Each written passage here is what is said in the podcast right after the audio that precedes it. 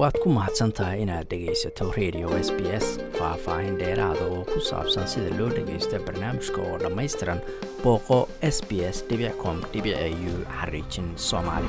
Maalinta isniinta ee bishan disembar ay tahay sideed iyo tobanka waxaa loo dabaaldegayaa maalinta caalamiga ee muhaajiriinta.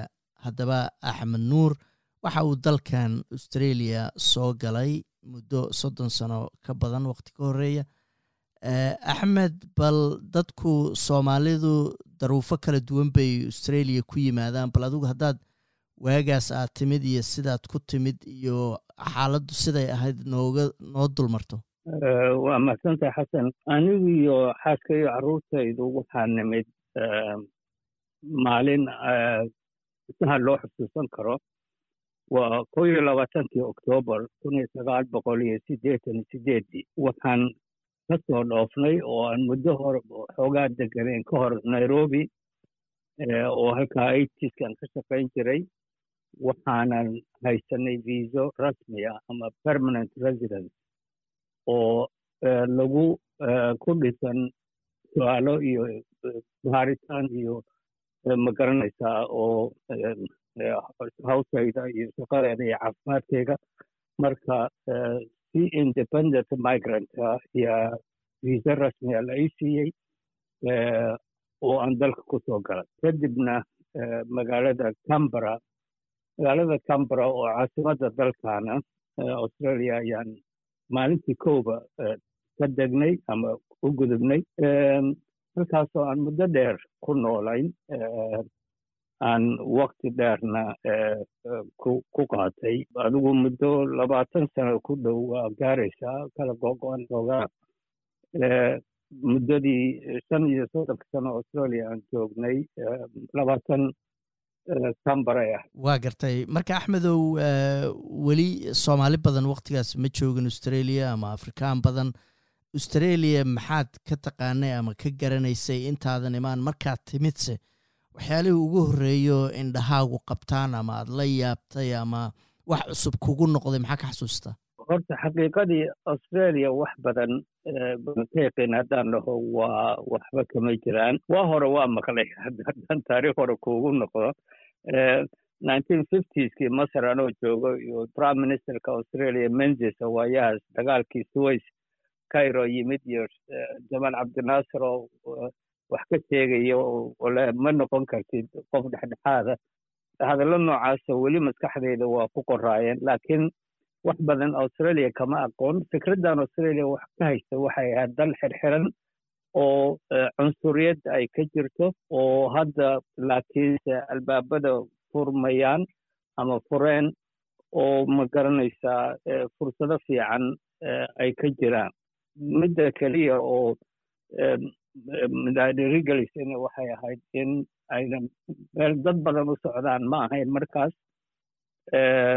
Jawigeeduna inuu fiican yahay oo halkan haddii canada iyo america iyo loo fiiriyo meel jawi wanaagsan ay tahay oo si raaxale loogu noolaan karo. Waa gartay marka aragtidaas aad ka qabtay oo ah australia inay dal cunsuriyada tahay iyo markaad timid khibraddaada ama waxaad ku aragtay ma iskeeneen mise wixii aad ka aaminsanayd wax ka duwan baad ku aragtay? Xaqiiqadii wax ka duwan baan ku arkay australia waxaan arkay dal dadka gacmo furan ku soo dhoweynaysa inay tahay dadka soo galootiga ama soo galeen soo dhoweynaysa kaalmaynaysa.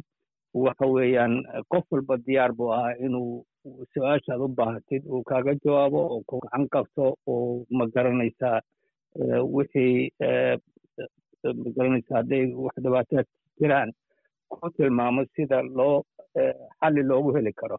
Nasiib wanaag markaas dowladda xisbi cumaalka yaa haysatay dalka oo nin prime minister oo weyn oo bob hawk la yidhaahdo uu madax u ahaa oo markaas sharciyad badan fulisay ma garanaysaa oo dadka isu soo dhoweynaysa sharciyada dhaqamada badan ama multiculturalism ballaarisay dadkiina ka dhaadhicinaysa in laysu baahan yahay iyo in la wada shaqeeyo marka waxay si aragti positive oo ka duwan iyo baqdintii ama walwalkii hadday baqdin ma jirin xoogaa walwal amaad cunsuriyad la kulantay ayaa igu jirtay laakiinse lama kulmin waxaan u fasiro inay cunsuriyad tahayna ma arag si sahla yay magaranaysa aan dalkii u degnay.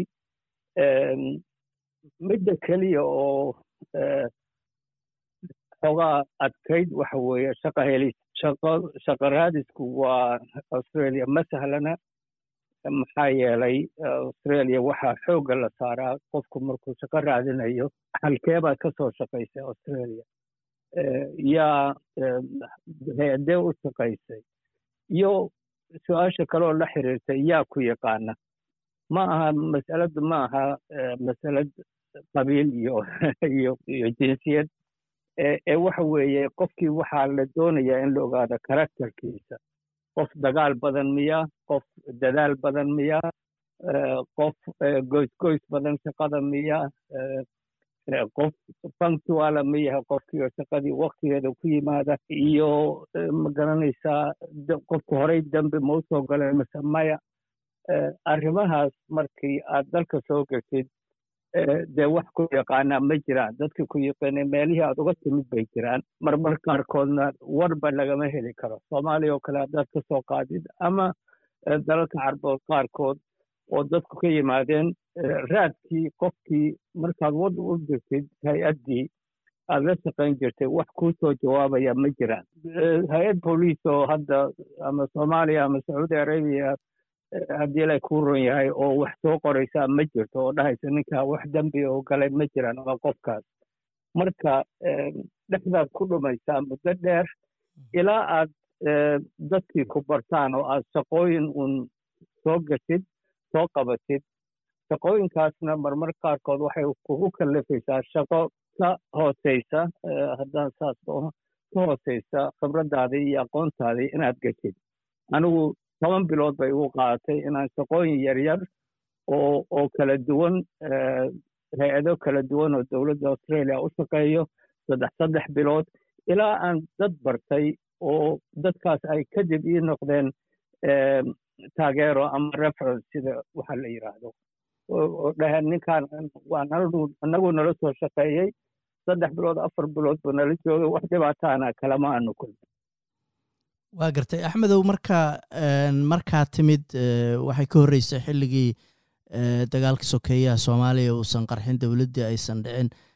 Nin waxaan is leeyahay aqoon-yahanana waad ahayd afka yaqaana ma la dhihi karaa labadaas arrimood maadaama dagaalkii sokeeyana saameynteedii uusan adiga iyo qoyskaaga midna wax badan ku yeelan. Afkana aad taqaanay aqoon-yahan aad ahayd baa kuu sahashay inaad waddanka si sahlan ula qabsatid. Waxay la tahay waa runta arrintaas maxaa yeelay waxyaalaha ma garanaysaa dadka xaniba waxa weeye afkii inaadan aqoonin waxa weeye inaadan dad ajnebiya oo sida dalka hadda dadka australia kuso la dhaqmin anigu yurub baan soo maray yurub baan ku soo bartay yurub baan ka soo shaqeeyey. Marka haddii la ku ron yahay way waa ii sahlanayd inaan dadkii haddiiba fahmo kuwa xataa aan afaf kala duwan ku wada hadli karno yaan la kulmay haddiiba.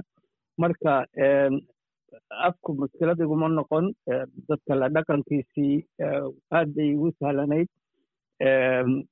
xiriir inaan ku xirmo hay'adihii adeega samaynayay oo aan ama dhakhaatiirtii ama malcamadihii ama iskooladii xiriir la yeesho carruurteeda ku daro wax dhibaataa ma ahayn marka waa runtaaye inaan haddaa ragtid dibadaha ku soo koray ama adduunyano la soo dhaqmay af ingiriisigii aqaano wax badan ayay sahashay oo ay dad kale ma garanaysaa ay culays kala kulmeen arrintaas midda keliya oo iyaduna xoogaa aan arkay inay adag tahay waxa weeye housing inaad meel aad degtid heshid waxa weeye sidoo kale yaa la doonayaa reference yaa ku yaqaana guri haddii lagaa ijaarayo yaa ku yaqaano weeye. Haddaad guryo soo martay oo soo gubtay ama wasakhaysay cidna ku qaadan mayso. Ya.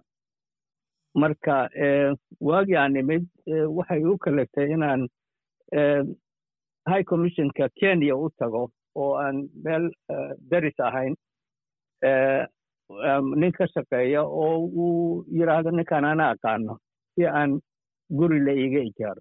Waa runta dadku dhibaatooyin badan bay kala kulmaan inay adeegyadii ku xirmaan inay shaqo helaan inay guri helaan.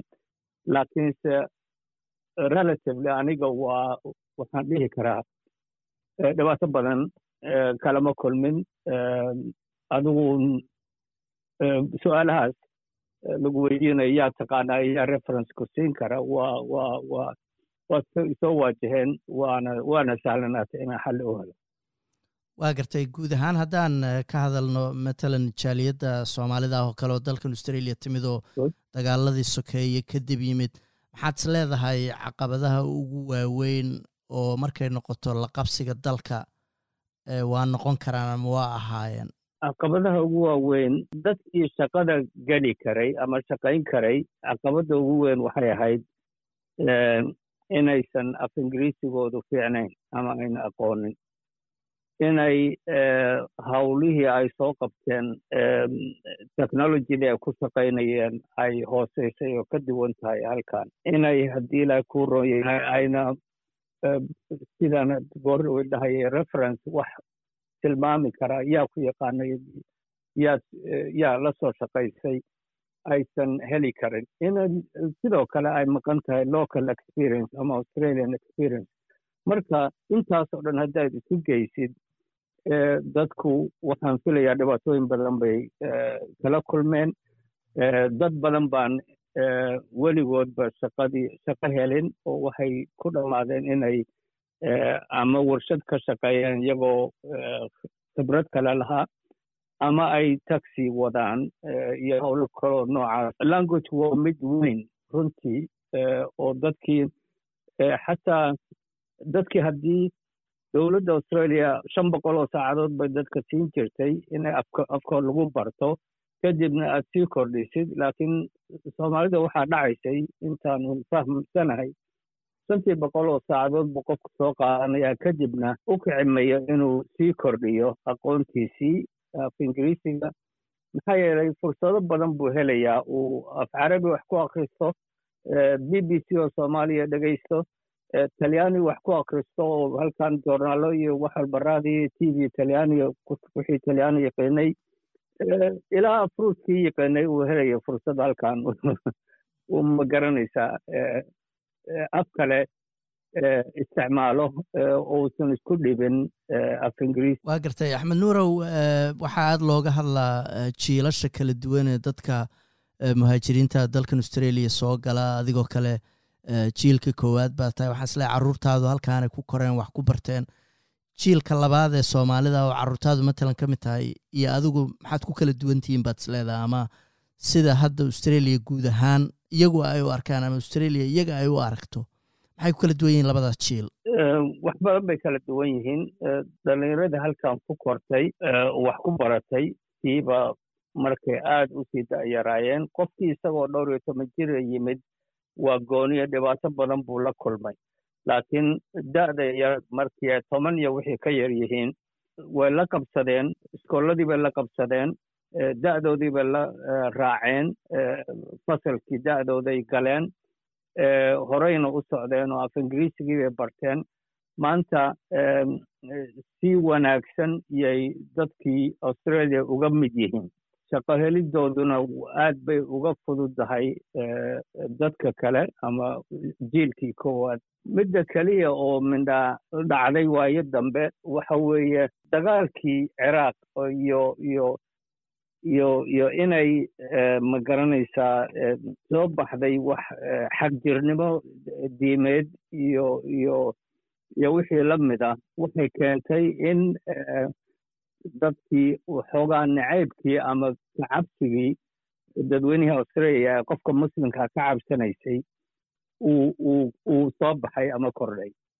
Taasna dadka soomaaliyeed siiba dhalinyaro qaarkood way saamaysa arrintaas haddii taas laga reebo waxaad moodaa tirobadnida ama majorityda dadka dhalinyarada ah oo jiilka labaada horumar wanaagsan ayay sameeyeen waana waa anugu hadda tirooyin ma hayo laakiinse waxaan filayaa inay qayb ballaaran ama percentage sare uu naajix noqday oo ay mujtamacii australia ka mid noqdeen oo ay howlo kala duwan oo professional ay ku jiraan. Kaasina wuxuu ahaa axmed maxamed nuur oo dadka intooda badan axmed nuur ay u yaqaanaan